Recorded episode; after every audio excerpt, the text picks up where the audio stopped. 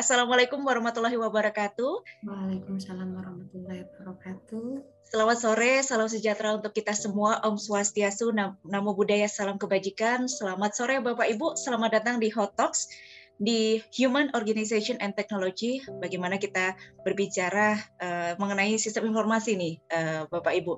Dan senang sekali di cuaca yang mendung hari ini ya Bapak Ibu semoga Anda hadir dalam keadaan sehat walafiat dan tentunya berbahagia. Dan mungkin Bapak Ibu dari kemarin menunggu-nunggu ini ya edisi Hall Talks yang selalu ditunggu dari kemarin mantau di Instagramnya @simkesugm dan kali ini Hot Talks hadir kembali untuk Anda. Kami sapa juga untuk Bapak Ibu yang uh, memantau Hot Talks hari ini melalui YouTube dari Forkom Tiknas. Untuk Anda Bapak Ibu yang mendengarkan melalui Radio Indonesia Sehat dan juga website kami di radioindonesiasehat.com. Semoga Anda uh, sehat hari ini. Dan Bapak Ibu, hari ini kami kembali hadir dan kita akan bahas mengenai rekam medis elektronik. Seperti yang kita tahu, kemajuan teknologi ini sangat pesat ya, eh, termasuk juga di bidang kesehatan. Berbagai penemuan di bidang kesehatan ada untuk meningkatkan pelayanan dan keselamatan pasien, meningkatkan kepuasan pasien, dan untuk meminimalisir adanya medical error. Nah, salah satunya adalah penggunaan rekam medis elektronik. Dan pada sore hari ini kita akan ulas bagaimana tantangan dan peluang implementasi rekam medis elektronik bagi rumah sakit. Dan telah kami hadirkan untuk Anda narasumber luar biasa hadir di sore hari ini. Ada Bapak Sugeng Ahli Madya Sarjana Kesehatan Masyarakat Magister Manajemen. Beliau merupakan Ketua DPD Perhimpunan Profesional Perekam Medis dan Informasi Kesehatan Indonesia. Saya sapa dulu, selamat sore Pak Sugeng. Ya, selamat sore. Uh, halo. J sehat ya Bapak ya? Alhamdulillah uh, sehat. Yeah. Alhamdulillah. Bapak di situ gimana hujan atau pripun, Pak? Kita akan bersebelahan ya. Saya masih di rumah sakit ini. Oh, bersebelahan ya, Pak.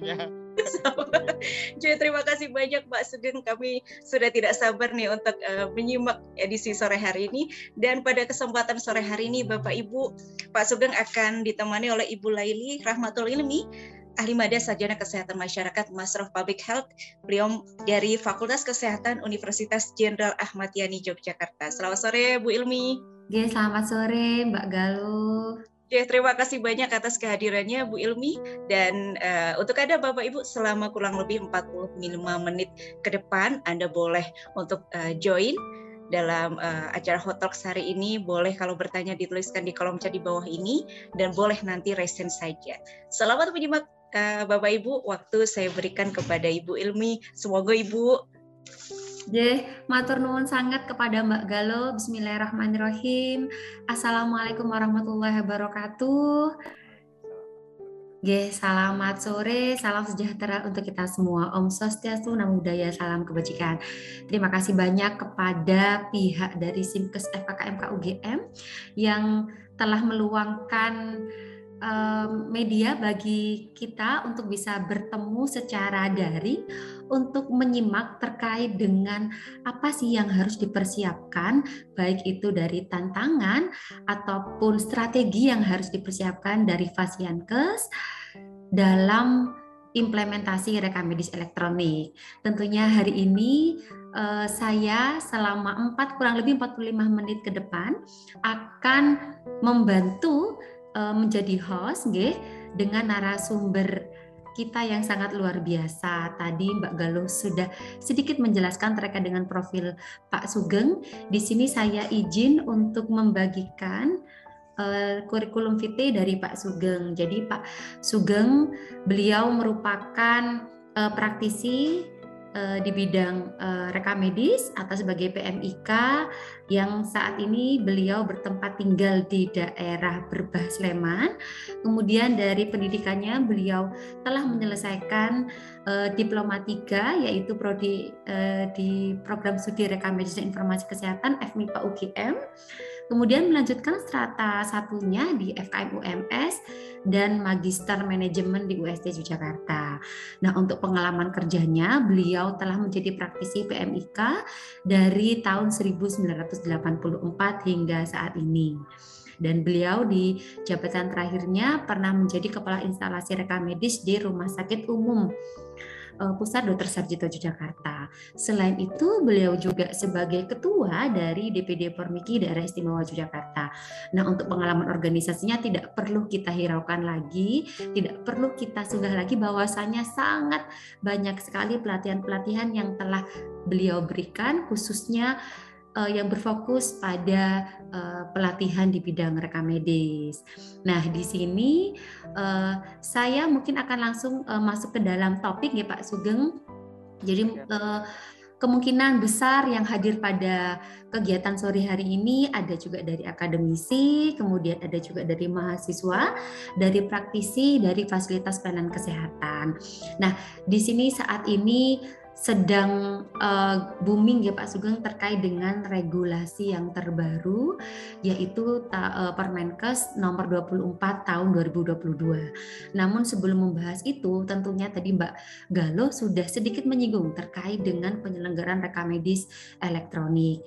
Uh, perut uh, para hadirin di sini ketahui bahwasanya rekam medis itu sudah mengalami paradigma atau perubahan dari rekam medis yang berbasis dulu masih menggunakan misalnya dari pohon dari kertas kemudian ada penulisan dari uh, batu secara uh, periodik berkembang gitu ya hingga mengalami perubahan rekam medis yang sudah diterapkan. Namun dengan perkembangan teknologi dan sistem informasi yang sangat cepat, khususnya di bidang kesehatan, maka kita harus beralih media dari yang berbasis kertas, kemudian hybrid, dan juga saat ini menjadi rekam medis elektronik. Nah, di sini Pak Sugeng, eh, mungkin saya akan bertanya, sebenarnya bukan bertanya gitu, tapi lebih tepatnya kita akan melakukan diskusi. Yang pertama adalah terkait dengan apakah uh, Pak Sugeng sendiri pastinya sudah mendengar nggih terkait dengan informasi satu sehat gitu nggih.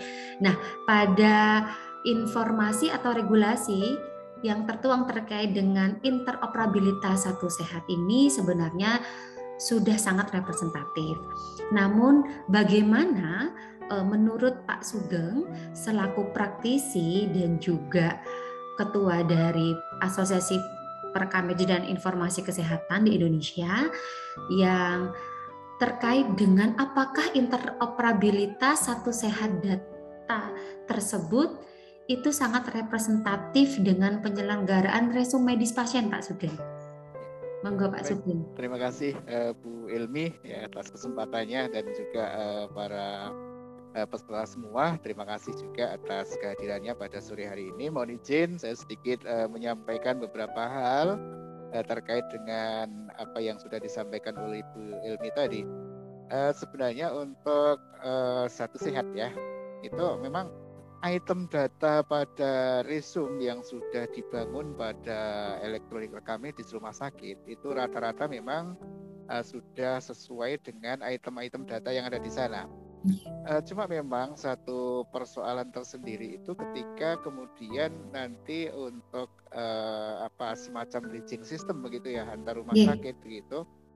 Karena memang rata-rata uh, ada ada perbedaan begitu ya. Jadi kalau misalnya kita uh, taruhlah me melihat pada uh, ketentuan yang ada bahwasanya uh, penulisan apa jenis kelamin saja kan pakai pakai kode ya selama yeah, ini. uh, banyak rumah sakit menggunakan pilihan laki-laki perempuan yeah. begitu. Sementara di uh, apa namanya uh, acuannya itu ada penulisan satu sampai dengan empat ya.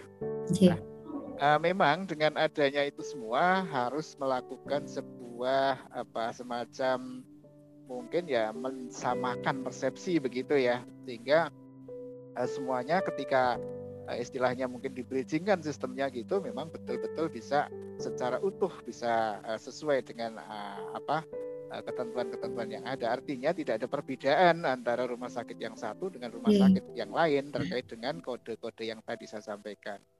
Nah terkait dengan isi resum karena memang isi resum itu ada panduannya ya sehingga saya kira iya. hampir semua rumah sakit sama ya isi resumnya itu adalah mulai dari asesmen awal, pemeriksaan fisik dan sebagainya sampai dengan nanti ada edukasi pada saat pasien itu mau pulang perawatan. Uh, saya kira itu Bu Ilmi yang perlu uh, menjadi perhatian bersama. Jadi uh, nanti bagaimana upayanya dari karena kan ini kan tidak lepas dari teman-teman teknologi informasi ya. Iya, betul. Kita selalu kolaborasi dengan teman-teman teknologi informasi karena apa? Karena kita misalnya tahu uh, apa uh, logiknya juga tetapi kan kita tidak punya kemampuan secara khusus ya untuk kemudian menuangkan di dalam sebuah aplikasi program. Mungkin begitu Bu Ilmiah. Oh J Pak. Baik. Uh, lalu uh, menurut Pak Sugeng apakah dengan adanya regulasi tersebut itu mudah untuk dimodifikasi Pak? Bagi rumah sakit apakah itu malah jadi penghambat terkait dengan tadi uh, sistem yang mengarah pada penyelenggaraan rekam medis elektronik. Ya, kasih Mbak Elmi. Jadi memang uh, ada dua hal ya yang perlu dicermati karena kan memang uh, tidak semua vaskes itu kemudian uh, punya apa namanya punya SDM yang cukup J, J, kemudian J. menyediakan uh, aplikasi elektronik rekam medis ini atau rekam medis elektronik ini secara mandiri begitu. Nah, menjadi uh, satu persoalan ketika kemudian uh, ini bekerja dengan uh, salah satu rekanan barangkali seperti itu di mana rekanan tersebut juga uh, apa namanya uh, memiliki beberapa hal secara khusus begitu tentang kode-kode ini sehingga mau tidak mau uh, Vaskes sangat tergantung terhadap uh, rekanan tadi ya. Kalau misalnya Vaskes itu sudah memiliki SDM yang cukup sehingga uh, sistemnya itu sudah mandiri begitu mungkin dengan bahasa yang mudah saja dipahami dengan uh, sudah mandiri begitu saya kira kok tidak ada masalah ya itu merupakan sebuah peluang untuk rumah sakit agar bisa lebih mengembangkan di mana yang apa yang dikembangkan itu adalah uh, merupakan satu uh, hal yang sudah mengikuti ketentuan yang ada di Kementerian Kesehatan. Saya kira begitu Bu Ilmi ya. Iya Pak. Baik, uh, tadi berarti kan sebenarnya ada beberapa faktor yang harus mendukung ya termasuk dari sarana prasarana, kemudian dari uh, penggunanya atau usernya, dan juga dari regulasi serta dukungan dari pimpinan ya Pak Sugeng. Betul. Lalu selanjutnya ya Pak Sugeng, apa apa yang perlu dipersiapkan dari rumah sakit atau fasyankes dalam upaya uh, kompliansi terhadap regulasi yang sudah ada tersebut Pak Sugeng? Ya. Apakah perlu dibahas hingga level top manajemen atau seperti apa Pak Sugeng yang perlu dipersiapkan? Ya Bu Ilmi, jadi memang kalau kita bicara regulasi dan kepatuhan dan ya. sebagainya memang memang kita harus ini ya tidak bisa kemudian di level misalnya manajer uh, manajer hmm. menengah dan sebagainya kemudian memutuskan sendiri tetapi tetap harus top manager ini yang yang uh, ikut memutuskan terkait dengan apa langkah selanjutnya ketika sudah muncul eh, kebutuhan-kebutuhan seperti saat ini. Artinya begini, uh, Vaskes harus menyiapkan baik itu sumber daya manusia, kemudian juga sumber daya alatnya, ya kan?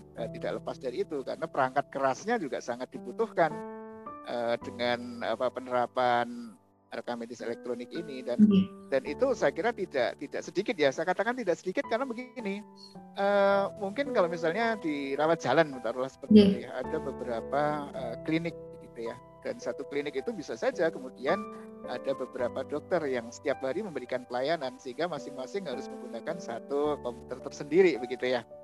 Itu yang pertama. Kemudian yang kedua dari sisi uh, eh, SDM-nya Nah, SDM ini eh, tadi sudah saya sampaikan bahwasanya kalau misalnya eh, rumah sakit atau paskes itu sudah mandiri untuk penyediaan aplikasinya, saya kira lebih mudah, lebih cepat untuk melakukan perubahan. Tetapi kalau misalnya itu masih eh, bekerja sama dengan pihak ketiga, ini tergantung perjanjian kan, mestinya seperti itu ya. Iya. Nah, selanjutnya untuk uh, regulasi dari pimpinan, tentu saja ini dukungan pimpinan itu sangat luar biasa diperlukan begitu karena apa? Karena nanti akan uh, berpengaruh terhadap implementasinya. Salah satu contoh saja misal begini. Sudah tersedia uh, aplikasi untuk rawat jalan begitu kan. Uh, tetapi kan tidak dengan serta merta kemudian semua SDM yang berada di situ termasuk juga nakesnya paham betul dengan apa dengan aplikasi yang sudah dibuat, yang sudah tersedia, yang sudah uh, siap untuk dipakai begitu sehingga memang diperlukan uh, pendamping ya dalam hal ini ya. Pendamping mungkin bisa saja kolaborasi dari rekam medis dan juga dari teknologi informasi begitu. Iya. Supaya dalam hal ini nanti saat implementasi secara keseluruhan itu betul-betul apa yang diharapkan dari uh, apa inputan data tadi memang sesuai dengan apa yang diinputkan begitu. Satu itu. Kemudian yang kedua dalam mengatasi kesulitan. Saya yakin bahwasanya perubahan ini pasti ada kesulitannya ya. Eh, karena apa? Karena memang yang tadinya berbasis kertas, yang notabene dengan formulir, yang di situ juga sudah dipandu, misalnya apa vital sign, eh, penulisan uh, suhu, nadi dan sebagainya. Nah, di sini eh, juga ada sebenarnya eh, fasilitas-fasilitas itu. Cuma mungkin sedikit berbedanya adalah uh, ada misalnya apa ya uh, mandatori begitu ya mandatori kalau kalau kemarin pada saat kita berbasis kertas itu lompat-lompat kan bisa ya misalnya pemeriksaan fisiknya belum diisi okay. tapi kita sudah bisa melakukan uh, apa uh, memberikan atau mengisi apa namanya data-data uh, uh, yang lain tetapi dengan penerapan ini kan e, bisa saja kemudian dibuat mandatori. Kalau misalnya belum ada pemeriksaan vital sign, maka tidak akan bisa lanjut ke pemeriksaan yang lain misalnya seperti itu. Sehingga katakan ini adalah merupakan peluang. Peluang kelengkapan dari data rekam medis untuk keselamatan pasien memang eh, betul-betul e, bisa dimanfaatkan secara optimal gitu. Ya. Kemudian juga e, tim nih, tentu saja ada tim yang kemudian me, apa ya mengawal perjalanan dari eh, apa pelaksanaan rekam medis elektronik ini. Nah, tim ini nanti akan berfungsi atau akan bertugas, ya maaf bertugas maksud saya, eh, untuk melakukan apa evaluasi terhadap pelaksanaannya. Misal begini, rawat jalan kan tidak semua rawat jalan itu kemudian item datanya sama antara poliklinik yang satu dengan klinik yang lain kemungkinan besar agak berbeda, begitu ya. Sehingga eh, bisa memastikan bahwasanya oh inputan data dari misalnya klinik penyakit dalam ternyata sudah eh, lengkap semua dan sebagainya. Kemudian nanti masih perlu apa lagi sih setelah kemudian input data ini dilakukan misalnya seperti itu. Sehingga perkembangannya bisa dimonitor oleh satu tim. Nah, tim ini tentu saja berdiri terdiri dari apakah itu eh, PPA seluruh PPA gitu. Jadi dari berbagai macam profesi supaya apa? Supaya masukannya nanti jelas Misalnya dari sisi nutrisionis ada masukan apa terkait dengan data-data yang ada pada rekam medis elektronik misalnya seperti itu.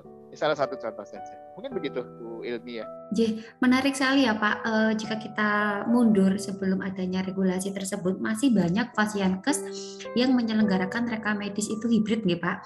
Hanya penyelenggaraan rekam medis untuk e, rawat jalan saja. Tapi masih ada yang mendokumentasikan rekam medis uh, di filing. Nah, ternyata uh, kendala di lapangan itu memang banyak human atau dari PPA ataupun dari tenaga kesehatan yang terbiasa menuliskan rekam medis di kertas itu agak kesulitan untuk mengentrikan di dalam sistem gitu Pak Sugeng. Nah, berarti ini sebenarnya menjadi uh, tantangan dan peluang kita untuk dapat meningkatkan mutu pendokumentasian ya Pak Sugeng. Karena kita ketahui jika menggunakan rekam medis berbasis kertas, uh, petugas rekam medis bagian assembling dan analisis tiap hari pasti akan melakukan pengecekan terkait dengan uh, analisis kuantitatif pada prosedur pengisian. Selanjutnya nanti petugas akan mengembalikan kembali rekam medis tersebut kepada bangsal atau poli untuk segera dilengkapi oleh tenaga kesehatan. Nah, dengan adanya uh, aplikasi atau sistem informasi ini, harapannya para pemberi asuhan kepada pasien itu mulai tidak hanya melek teknologi gitu Pak, tetapi juga mulai sadar bahwasannya dalam pengisian atau kelengkapan rekam medis itu dapat menjadi informasi atau alat komunikasi berkelanjutan dan yang kedua tentunya tadi dapat mendukung aspek keamanan bagi pasien. Ya gitu ya Pak Sugeng karena uh, dari uh, aspek keamanan itu sendiri dapat menentukan apakah layanan yang diberikan itu sudah dapat menjamin terkait dari keselamatan pasien itu sendiri dan juga dapat memayungi atau melindungi secara hukum baik dari tenaga kesehatan dan juga dari uh, pasien itu sendiri. Nah, tapi di sini perlu Bapak Ibu juga diperhatikan bahwasannya memang tidak tadi sudah disampaikan oleh Pak Sugeng G, bagi kes yang sudah siap itu mungkin akan mudah G Pak Sugeng. Namun bagi kes yang memang masih ada kendala perlu adanya persepsi dia Pak perlu adanya persepsi baik dari seluruh level pimpinan dan juga perlu gotong royong istilahnya. Gotong royong dalam artian bahwasanya dengan adanya regulasi yang sudah diterapkan itu, mari kita bersama-sama untuk dapat menerapkan tujuan dari kementerian sehingga regulasi tidak hanya sebatas regulasi yang dibagikan saja tetapi harapannya juga dapat diterapkan sehingga nanti eh, dalam kemudahan untuk transaksi data kesehatan itu juga juga sangat mudah. Dengan area yang digitalisasi ini memang sangat memungkinkan gih nanti ketika seorang pasien uh, dirujuk gih dirujuk di rumah sakit yang level di atasnya kalau dulu kan harus meminta resume medis nggih resume medis kemudian dicetak gitu nggih. Namun harapannya dengan adanya uh, perkembangan rekam medis elektronik itu juga dapat memudahkan dalam akses khususnya tadi dalam uh, apa meminta untuk resume secara digital. Baik, saya lanjutkan lagi nggih Pak Sugeng. Nah, ini sangat menarik nih. Mungkin Bapak Ibu di sini yang masih ada kendala atau ada pertanyaan ya, bisa tadi e, menuliskan di forum chat atau bisa raise hand. Lalu bagaimana Pak Sugeng terkait dengan adanya regulasi terbaru Permenkes nomor 24 tahun 2022 pada pasal 2 itu kan memang e, termuat terkait dengan implementasi rekam medis elektronik. Nah, apa yang harus dipersiapkan selain tadi penerapan sistem informasi, eh, apa yang harus dipersiapkan lagi oleh eh, oleh Fasenkes Pak Sugeng terkait dengan regulasi tersebut? Ya, baik Mbak Elmi, eh, mungkin saya dari dari awal ya tadi eh, ada beberapa hal yang yeah. disampaikan oleh Bu Elmi ya tadi ya. Ya memang eh, dalam hal ini kita tidak bisa kemudian berdiri sendiri okay. masing-masing profesi begitu ya. Mbak Ilmi menggunakan istilah gotong royong tadi ya. Jadi okay. Eh, sebenarnya memang harus ada kolaborasi antara semua nakes begitu yeah. ya. Artinya apa? Artinya bahwa uh, semuanya harus melakukan kolaborasi dan juga bertanggung jawab terhadap uh, pengisian sesuai dengan profesi masing-masing begitu. Uh, salah satu contoh misalnya uh, dalam hal ini terkait dengan pengisian uh, pengisian misalnya saya ngambil contoh saja di UGD ada pasien yang mau rawat inap maka di situ ada isian yang harus dibuat oleh seorang TPJP yang nantinya akan dipergunakan sebagai dasar untuk perawatan selanjutnya di ruang rawat inap begitu ya. Nah, itu kan tidak cuma isian dari uh, eh, DPJP saja, tetapi juga di situ unsur keperawatan juga ada begitu. Satu. Kemudian yang kedua, terkait dengan analisis tadi ya, analisis itu memang kompetensinya perkam medis ya. Sehingga mau tidak mau teman-teman rekam medis ini juga harus melakukan analisis. Kalau dulu dengan buka-buka kertas lah sekarang dengan buka uh, aplikasi di komputer, rekam medis elektronik begitu. Artinya sama saja, sama saja cuma bergeser dengan menggunakan instrumen yang berbeda kalau kemarin dengan menggunakan checklist misalnya, menggunakan kertas begitu, kemudian nanti bisa ditotal dan seterusnya sehingga ketemu angka kelengkapan rekam medis begitu. Nah sekarang bisa dengan checklist yang sudah disiapkan di dalam uh, apa rekam medis elektronik. Artinya apa? Artinya sebenarnya cuma terjadi sebuah pergeseran untuk penggunaan instrumen dan tentu saja ini sangat sangat uh, menguntungkan bagi uh, semua profesi dalam hal ini ya karena perekam ini sendiri ya nggak usah repot-repot lah dengan menggunakan kertas momen jumlah dan sebagainya. Jadi nanti begitu melakukan checklist, eh, sistem sudah bisa ngitung kelengkapannya bagaimana dan seterusnya. Oke. Nah berikutnya eh, terkait dengan tadi eh, apa gotong royong tadi ya sekali lagi saya ulangi memang perlu kolaborasi ya dan juga kolaborasinya tidak cuma PPA saja tetapi teman-teman yang uh, ada di teknologi informasi juga harus memberikan ini upaya jadi mungkin saja ada panduan pengisiannya begitu yang dibuat ya selain juga ada pendampingan tadi sudah saya sampaikan di mana pendamping itu bisa kolaborasi juga. Kalau nanti kaitannya dengan misalnya dengan hardware-nya gitu berarti teman-teman teknologi informasi harus siap juga melakukan pendampingan di situ misalnya misalnya aksesnya kok jadi lemot ya misalnya seperti itu ya. Nah, itu kan teman-teman teknologi informasi yang kemudian bisa menjawab. Tetapi ketika kemudian ini isinya apa ya misalnya begitu. Nah, ini teman-teman rekam medis karena uh, teman-teman rekam medis uh, sudah memahami terhadap item data yang ada di situ yang dibutuhkan uh, yang dibutuhkan pada uh, apa namanya item-item data di uh, kalau dulu di kertas itu berupa formulir ya, tetapi ini berupa interface begitu ya yang harus kemudian dipahami. Sehingga memang eh, apa bentuk kolaborasinya inilah yang kemudian harus betul-betul eh, ditekankan. Berikutnya terkait dengan apa tadi kemudahan gitu ya, kemudahan ya. Eh, jadi begini, kan memang kalau kita uh, sudah mengatakan interface itu kan ada unsur seninya ya seni dari teman-teman uh, programmer tentu saja. Nah, seni ini tentu saja akan mempertimbangkan juga terkait dengan kemudahan. Ya, kemudahan di dalam pengisian. Ada, saya membandingkan uh, di dua rumah sakit, nah, nggak sebut rumah sakitnya ya. Uh, rumah sakit A itu uh, tampilan dari rekam medis elektroniknya, jendelanya itu ke bawah gitu ya. Satu, dua, tiga, empat ke bawah. Tapi rumah sakit lain ada juga, saya bisa melihat tampilan jendelanya itu ke samping gitu sehingga seolah-olah uh, apa namanya ini merupakan satu apa ya uh, satu hal yang kemudian uh, menjadi ciri khas atau juga seni dari uh, programmer itu sendiri dalam sebuah penampilan interface-nya begitu.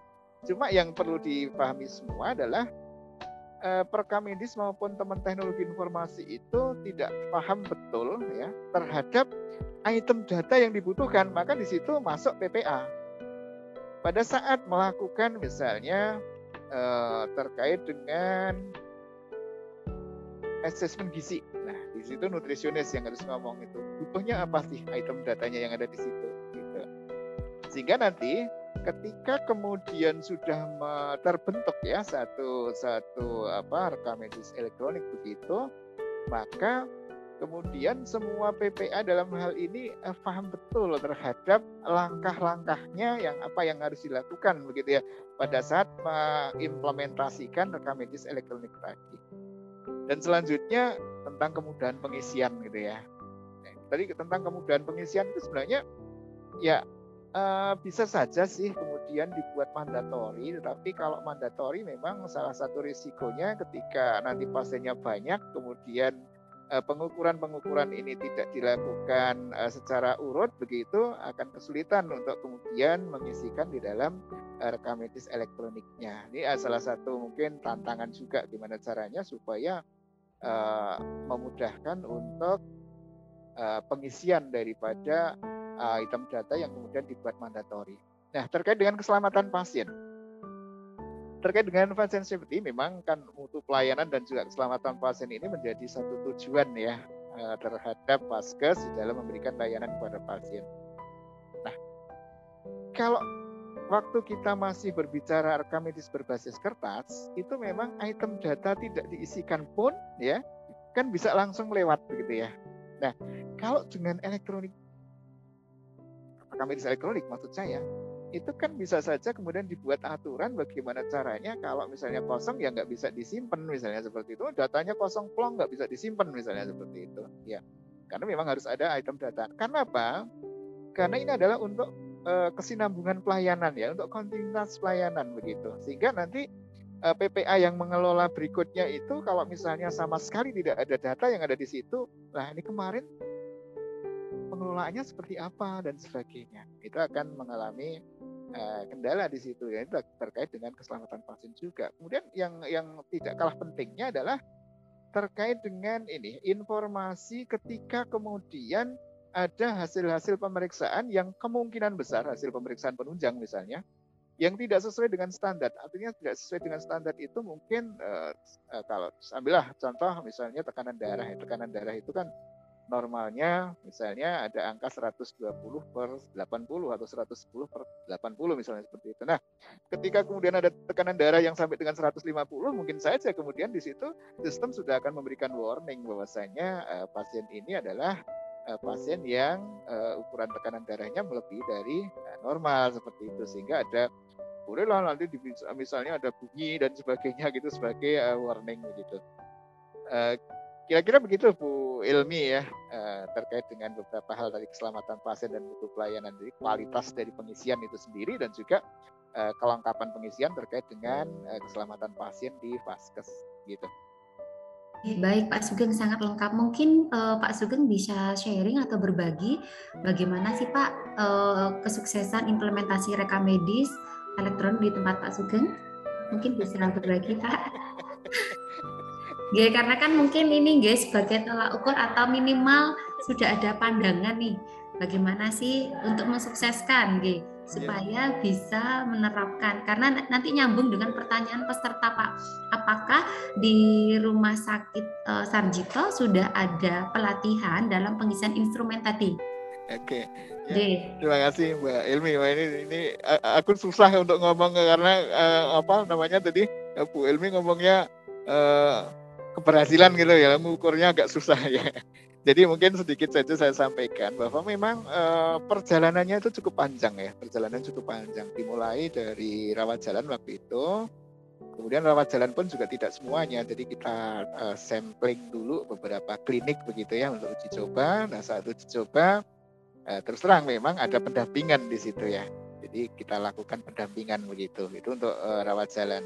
Nah setelah nanti uh, di misalnya di klinik penyakit dalam, kemudian uh, berikutnya nanti uh, melebar lagi uh, klinik bedah misalnya berikutnya melebar lagi ke klinik mata dan seterusnya begitu. Sehingga nanti pada akhirnya semuanya sudah akan uh, terfasilitasi. Karena apa? Karena memang uh, kalau nggak bertahap ini terlalu berat. Nanti karena di uh, rumah sakit tempat kami kerja itu kan cukup banyak kliniknya ya begitu kemudian uh, selain berjalan di rawat jalan itu juga kita mulai juga uh, tentang work order uh, e-prescribing waktu itu. Jadi penulisan resep yang elektronik begitu ya. Sehingga pasien eh, pasien-pasien itu nanti uh, di apa dibuatkan resep elektronik.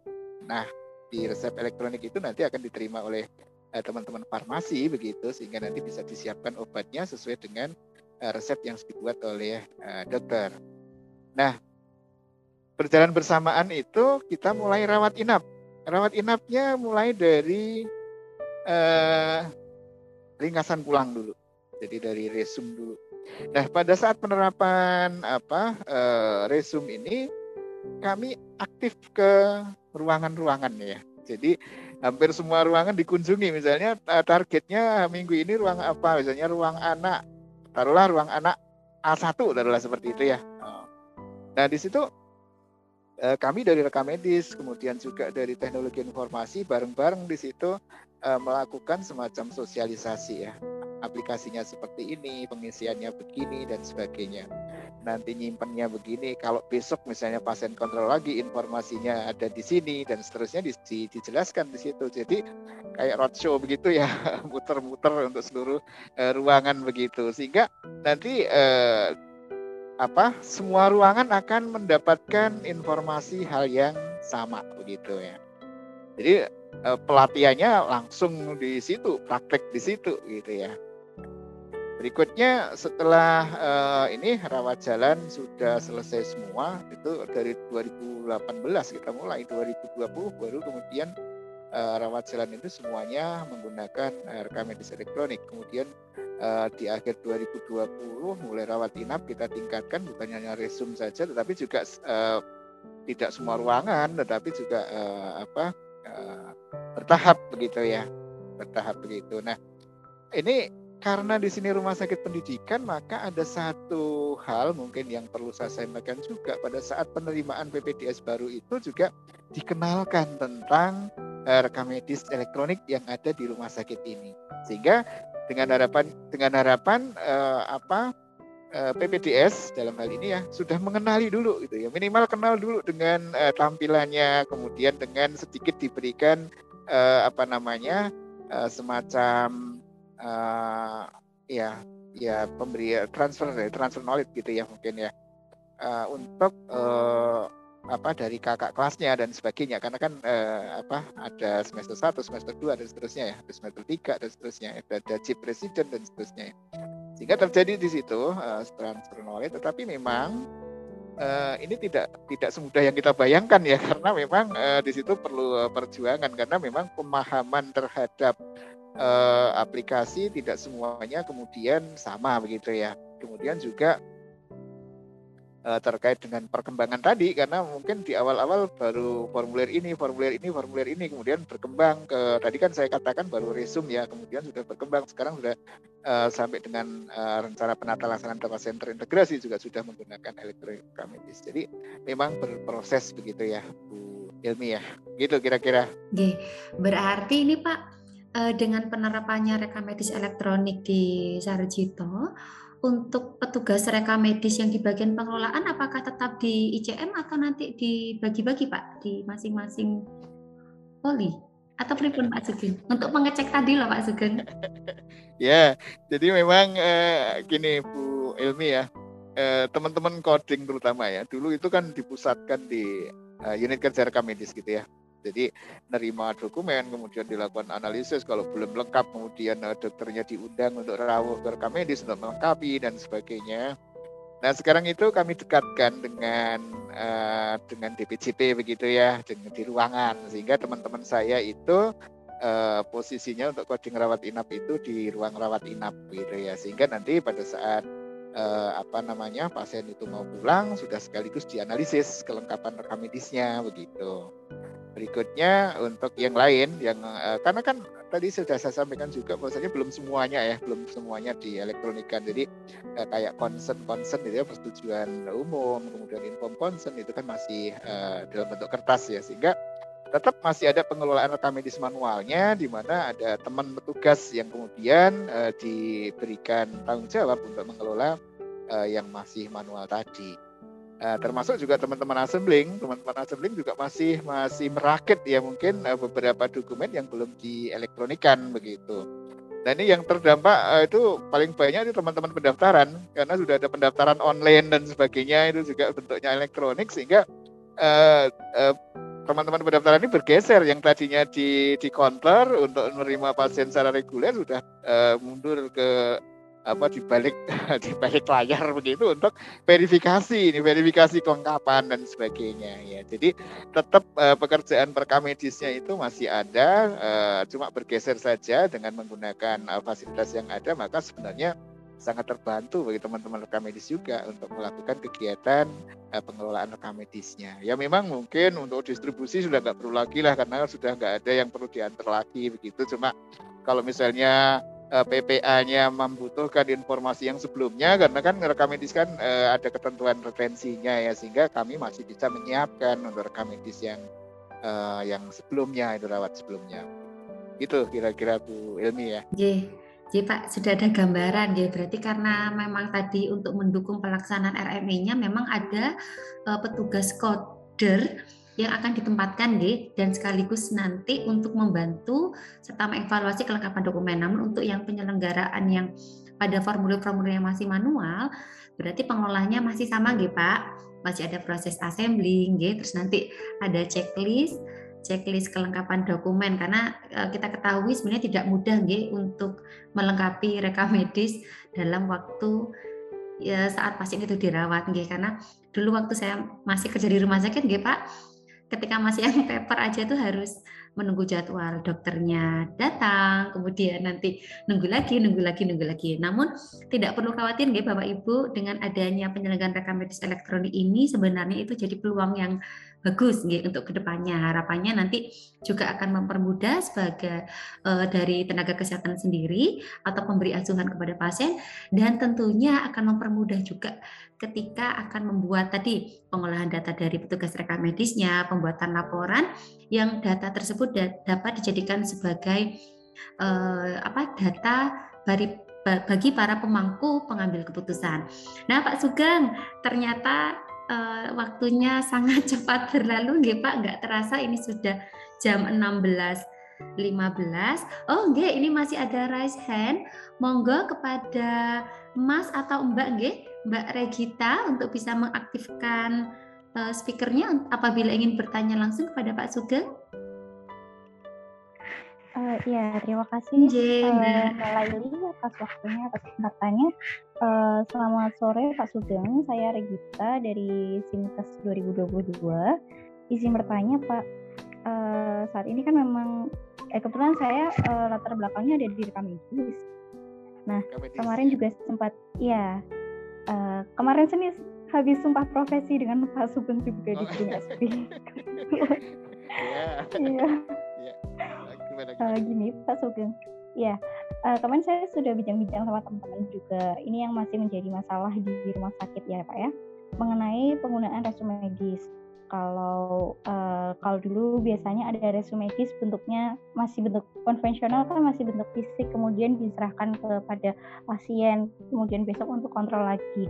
Nah untuk saat ini ada ada rumah sakit di tempatnya teman saya itu yang uh, yang mana resume medisnya itu sudah masuk di SIM RS-nya sudah sudah dalam RME kemudian ini uh, apakah dibutuhkan untuk saat ini di peraturan yang baru ini apakah dibutuhkan uh, resume medis berbentuk fisik ya Pak?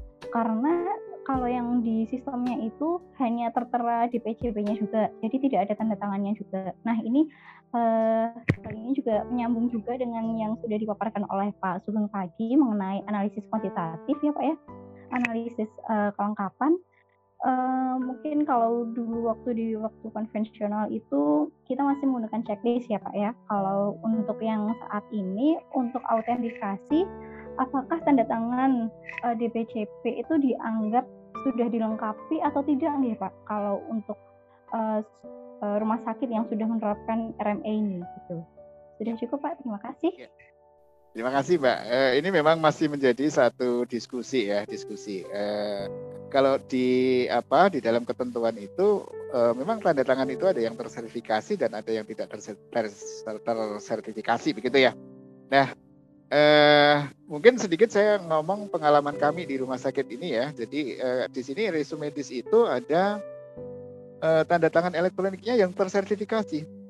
Jadi memang dibutuhkan di situ karena apa? Karena bukti otentik dari sebuah dokumen begitu sehingga eh, bukan tanpa tanda tangan begitu, tetapi juga ada tanda tangannya, Mbak, begitu ya. Jadi eh, kalau misalnya rumah sakit menetapkan bahwasanya di dalam regulasinya ya, itu dengan menggunakan uh, tanda tangan yang tersertifikasi begitu maka sah-sah saja. Jadi nanti di setiap resume itu ada uh, QR code tanda tangan sebagai bentuk bahwasanya memang itu ditandatangani oleh DPCP secara elektronik dan itu kalau misalnya dilakukan sebuah pelacakan maka benar dokumen ini dibuat oleh dokter X misalnya seperti itu dan bisa dibaca di dalam QR code-nya begitu Mbak ya. Kalau tidak ada tanda tangan uh, saya agak ini ya agak agak uh, kesulitan untuk bisa menjawab karena memang ketentuannya sebuah dokumen itu selalu ditandatangani oleh pembuat dokumen kan begitu sebagai bentuk sah dari satu dokumen kan begitu.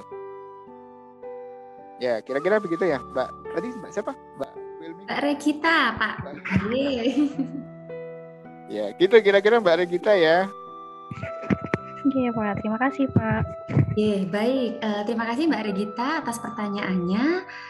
Uh, Pak Sugeng, ternyata waktunya sudah habis. Ya. Sebelum acara ini ditutup, saya akan menyimpulkan sebentar saja terkait uh, apa yang telah disampaikan Pak Sugeng bahwasannya dengan penerapan rekam medis elektronik itu uh, sebenarnya itu bukan kendala ya, tapi justru menjadi tantangan yang bernilai positif. Karena dengan penerapan RME tersebut perlu kerjasama, tidak hanya dari para pemberi asuhan kepada pasien, tidak hanya dari pihak manajemen, tetapi juga tim IT, PMIK, dan seluruh tenaga kesehatan yang nantinya bisa berkolaborasi positif untuk membentuk rekam medis elektronik dengan tujuan tadi ya tidak hanya pemenuhan aspek administrasi tetapi juga dapat mendukung terkait dengan aspek keamanan. Nah, untuk mensukseskan terselenggaranya rekam medis elektronik itu memang ada beberapa tahapan dan tahapannya itu tidak pendek ya karena perlu ada persepsi dari beberapa level manajemen kemudian tenaga kesehatan tentunya dan juga ada tim reviewer dan tim pendamping. Nah harapannya dengan adanya RM ini nanti ke depannya sangat memudahkan dalam proses transaksi data kesehatan. Khususnya tadi ya misalnya di rekam medis di rekam medis elektronik hanya minimal berfokus pada resume medis atau discharge summary. Mungkin itu saja simpulan pada uh, diskusi sore hari ini sebenarnya sangat menarik, G. kalau ada waktu mungkin bisa lebih panjang ya Pak Sugeng karena tentunya teman-teman atau para Bapak Ibu yang hadir baik dari uh, yang menyimak di radio ataupun dari Instagram, YouTube dan lain sebagainya pasti sangat uh, ingin berdiskusi lebih panjang lagi. Tapi karena waktu yang disediakan juga ya lumayan cukup nggih bisa menambah uh, pengetahuan juga.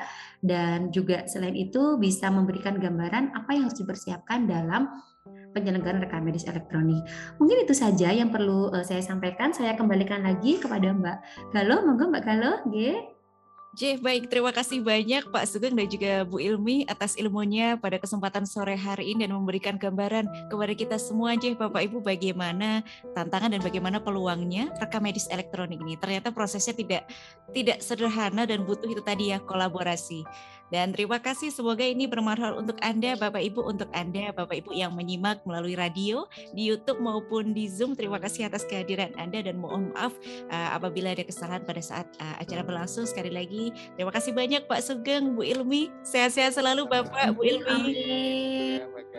Oke, dan juga terima kasih yang sudah hadir juga ini ada Pak Ahmad Hidayat dari Forkom Tiknuas. Terima kasih banyak Bapak sudah hadir edisi sore hari ini. dan jangan uh, lupa untuk memfollow Instagram @simkesugm untuk Anda Bapak Ibu uh, mendapatkan informasi terkait dengan topik-topik menarik setiap dua minggu sekali setiap Jumat gitu ya di Hot Talks Human Organization and Technology dan uh, semoga ini bermanfaat dan selamat berakhir pekan. Terima kasih atas kebersamaan Anda. Saya Galuh pamit undur diri. Mohon maaf apabila ada kesalahan pada saat acara berlangsung. Hati-hati di jalan untuk uh, Bapak Ibu yang bergegas untuk pulang dan kebetulan juga di luar hujan di area Jogja. Salam sehat untuk kita semua. Wassalamualaikum warahmatullahi wabarakatuh.